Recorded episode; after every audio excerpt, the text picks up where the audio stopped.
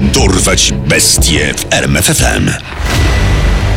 Imię i nazwisko. Sid Ahmed Rezala, pseudonim. Pociągowy zabójca, miejsce i okres działalności. Francja rok 1999, liczba ofiar. 3, skazany na nie został osądzony. Dorwać bestie w RMFFM.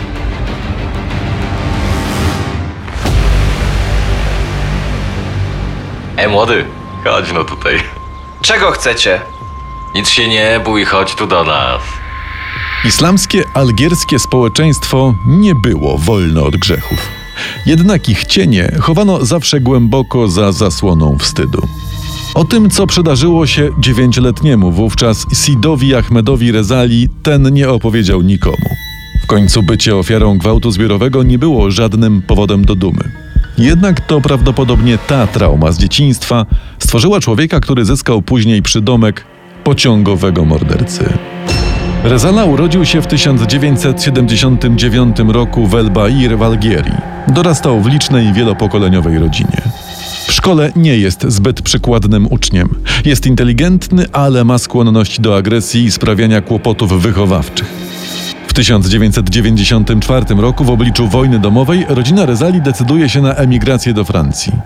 Docierają do Marsylii i osiedlają się w pobliżu dworca kolejowego St. Charles. Sid, przestań się włóczyć z tymi podejrzanymi typkami. Zapiszemy cię do szkoły. Zobacz, jak twoje siostry sobie dobrze radzą. Daj mi spokój, tato. Ja już szkoły pokończyłem. Młody i gniewny, Rezala zaczyna pobyt we Francji od nawiązania kontaktów z lokalnym półświadkiem dealerów i drobnych przestępców, przez co szybko wplątuje się w kłopoty. W lutym 1995 roku zostaje zatrzymany pod zarzutem gwałtu na 15-letnim chłopcu. W tym samym roku sąd dla nieletnich skazuje go na 4 lata więzienia, w tym 18 miesięcy w zamknięciu i 30 miesięcy próby. W opinii biegłych psychologów jego osobowość wykazuje cechy skłonności do recydywy. Podczas pobytu w ośrodku dla nieletnich skarżą się na niego opiekunowie, zarzucając mu agresję i brak podporządkowania się, ale również skarży się jeden ze współosadzonych, oskarżając go o napaść seksualną. Zarzuty jednak oddalono, uzasadniając, że doszło do dobrowolnego stosunku. W 1996 roku Sid zostaje zwolniony z ośrodka. Dzień dobry. Podobno poszukuje pan pracownika do cukierni. Tak. Znasz się na tym fachu? Nie, ale szybko się uczę. Chłopak potrafił wzbudzać zaufanie, był przystojny i uśmiechnięty. Gdy chciał zrobić na kimś wrażenie, wiedział jak się zachować. Rozpoczął praktykę u cukiernika, który był z ucznia bardzo zadowolony. Nowe życie jednak nie przyćmiło starych nawyków. W 1997 roku Rezala za kradzież zegarka zostaje skazany na 100 godzin prac społecznych. W kolejnym roku napada na ochroniarza na stacji kolejowej, raniąc go nożem. Za ten czyn dostaje rok więzienia. Już w areszcie śledczym padają wobec niego zarzuty o napaści seksualne na współosadzonych, jednak nie poparte dowodami zostają odrzucone. Opuszcza więzienie 29 czerwca 1999 roku i udaje się do Amiens odwiedzić swoją byłą dziewczynę. Podczas jego odsiadki urodziła mu się bowiem córka. Pokaż mi moje dziecko. Odejdź, Sid! Gwałciciel chłopców nie będzie dla niej ojcem! Odrzucony i urażony Rezala zaczyna sobie szukać miejsca w nowej rzeczywistości. Próbował kariery w branży hotelarskiej. Chciał się zaciągnąć do Legii Cudzoziemskiej, wszystko bez efektu. Zaczyna jeździć pociągami dalekobieżnymi bez wyraźnego celu. Pieniądze zdobywa głównie z drobnych kradzieży. Jest karany aż 42 mandatami za brak biletów kolejowych. Z każdym dniem jego frustracja i agresja narastają. Hmm, co my tu mamy? Młoda dziewczyna prawdopodobnie wypchnięta z pociągu.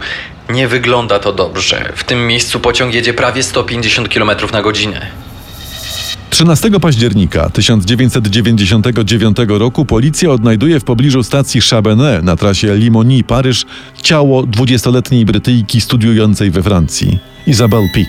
Ciało jest tak zmasakrowane przez pociąg, że podczas sekcji nie udaje się ustalić, czy doszło do gwałtu. Świadkowie zeznają, że na stacji przysiadł się do niej młody chłopak o arabskiej urodzie. 14 grudnia w toalecie pociągu relacji Cannes-Ventimiglia Straż Kolejowa odkrywa zwłoki 36-letniej matki dwójki dzieci, Corinne Caillou. Ofiara została zadźgana nożem. Sekcja wykazuje 14 ran kłutych na szyi, brzuchu i plecach. Raporty wykazują, że podczas trasy pociągu ukarano mandatem za brak biletu Ahmeda Rezale. Jego zakrwawioną czapkę znaleziono przy zwłokach. 17 grudnia tego samego roku w piwnicy mieszkania wynajmowanego przez Rezale policja, zaalarmowana przez sąsiadów, odkryła zwłoki Emily Bazon, 20-letniej studentki, która według świadków w październiku romansowała z Rezalą. Śledczy na miejscu ustalają, że dziewczyna została uduszona dżinsową koszulą.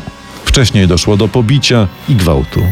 Na miejscu zabezpieczono wiele śladów DNA sprawcy. Sąsiedzi zeznają, że tej nocy słyszeli hałasy na klatce schodowej, przypominające znoszenie ciężkiego bagażu. Najprawdopodobniej to sprawca zaciągał ciało ofiary do piwnicy. Ten Rezala to młody Algierczyk z bogatą historią. W obliczu dowodów wskazujących na jednego sprawcę trzech morderstw rusza policyjna machina śledcza. Rozala jest poszukiwany w całej Francji, a także w Belgii, ojczyźnie jego matki i 13 innych krajach europejskich. Wewnętrzne niesnaski między śledczymi z Dijon i Marsylii powodują jednak słaby przepływ informacji i nie pomagają w śledztwie. Co innego media. Osiemnastolatka, podróżująca pociągiem relacji Paryż-Ventmil, rozpoznaje na zdjęciu w gazecie chłopaka, który próbował z nią flirtować i zostawił jej czapkę, by nie zmarzła. Alarmuje żandarmerię. Śledczy na początku specjalnie nie przykładają się do zgłoszenia, ale analiza włosów znalezionych na czapce potwierdza tożsamość Rezali. Policja obserwuje dziewczynę, licząc na to, że ten będzie próbował się z nią skontaktować. Sprawca tymczasem, widząc swoje zdjęcia w gazetach, ucieka pociągiem do Hiszpanii. Tam w Madrycie zostaje aresztowany za kradzież. Imię i nazwisko? Hassan Abudi! Lokalna policja nie przykłada się do weryfikacji tożsamości drobnych złodziejaszków, co chroni Rezale przed zdemaskowaniem. Jego prawdziwe dane i zdjęcia figurują w bazach Interpolu, ale w tym przypadku nikt tam nie zagląda. Udaje mu się uniknąć aresztowania i ucieka do Portugalii. Tam trafia pod skrzydła 42-letniego homoseksualisty, niejakiego Armando, z którym ma krótki romans. To właśnie z Portugalii Rezala postanawia zadzwonić do swojej byłej dziewczyny, matki jego córki. Nie wie, że policja podsłuchuje i namierza wszystkie rozmowy kobiety. Śledczym udaje się szybko namierzyć publiczną budkę telefoniczną, z której dzwoni poszukiwany. Na miejsce natychmiast udaje się zespół poszukiwaczy złożony z portugalskich policjantów i francuskich śledczych. Nie ruszaj się, jesteś zatrzymany. To pomyłka! Nazywam się Hassan. Cicho. Doskonale wiemy, jak się nazywasz. Osadzony w portugalskim więzieniu Rezala skutecznie unika ekstradycji do Francji. Tutejsze prawo jest dość liberalne i zakazuje ekstradycji więźniów zagrożonych karą dożywocia. Dopiero w marcu 2000 roku wniosek Francuzów zostaje uznany po zmianie zarzutów na takie, za które grozi do 30 lat więzienia.